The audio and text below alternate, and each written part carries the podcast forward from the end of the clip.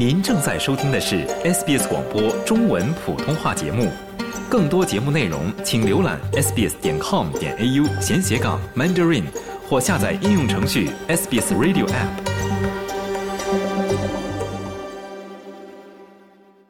过去一年，一个专家小组一直在研究澳大利亚的公立教育，他们的报告现在已经出炉。联邦教育部长克莱尔表示：“The gap between children from wealthy families and children from poor families is getting bigger and bigger.” 富裕家庭的孩子和贫困家庭的孩子之间的差距越来越大，城市和农村偏远地区孩子的学业成绩差距也是如此。还有原住民和非原住民孩子之间的差距，这种差距正在变得越来越大，而且这种差距随着学生年级的不断增长而不断扩大，这是我们必须解决的问题。对于残障学生来说，情况也并不乐观。澳大利亚教育工会联邦主席海索普表示，学校正在努力为他们提供支持。We conducted a national survey of over 7,800 public school principals, teachers, and support staff. 今年早些时候。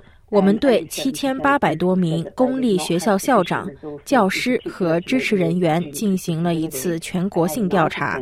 百分之八十七的校长表示，他们没有足够的资源来满足残障学生的需求。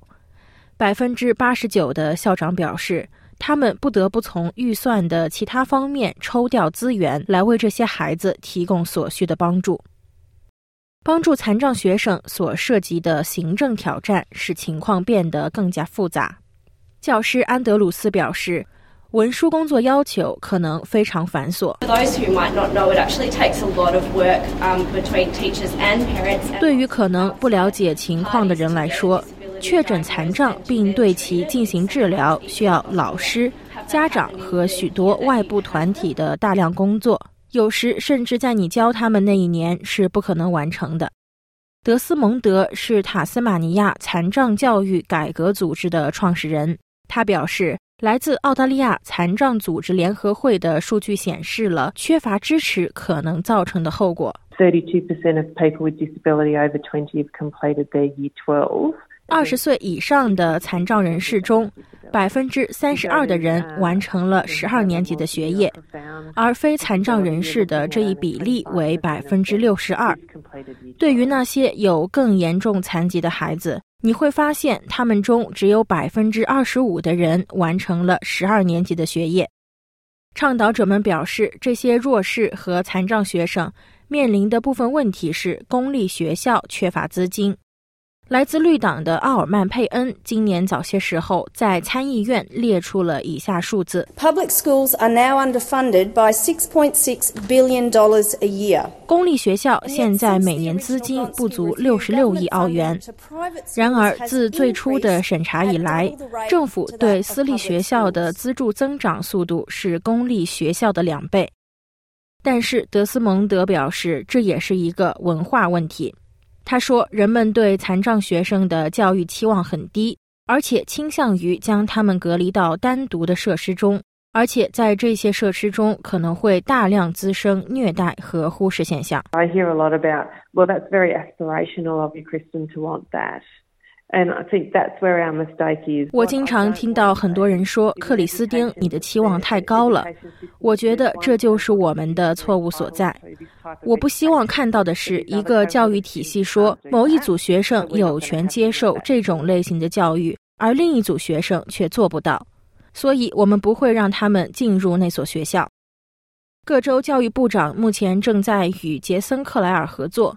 以最终敲定资助公立学校的新协议的条款。德斯蒙德等倡导者希望残障问题成为对话的一部分。我们在这些谈判中需要考虑的是，我们是否要实施皇家委员会关于包容教育的建议。如果我们要实施，那又会是什么样子的呢？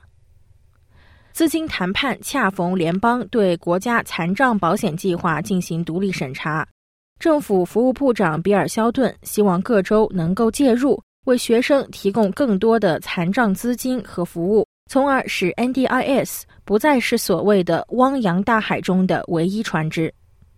海索普表示，这些讨论需要消化和面对的东西很多。The fragmented nature of the current system makes it very difficult for families to navigate, and also.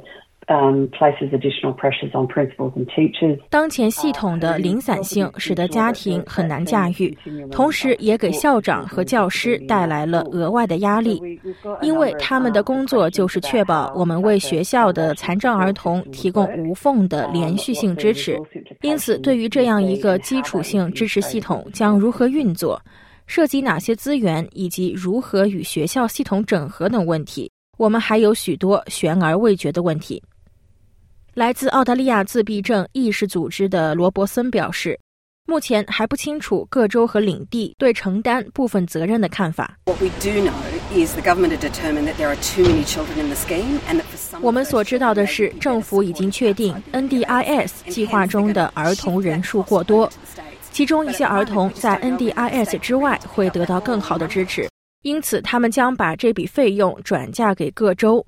但是目前我们不知道各州是否准备好承担这一责任。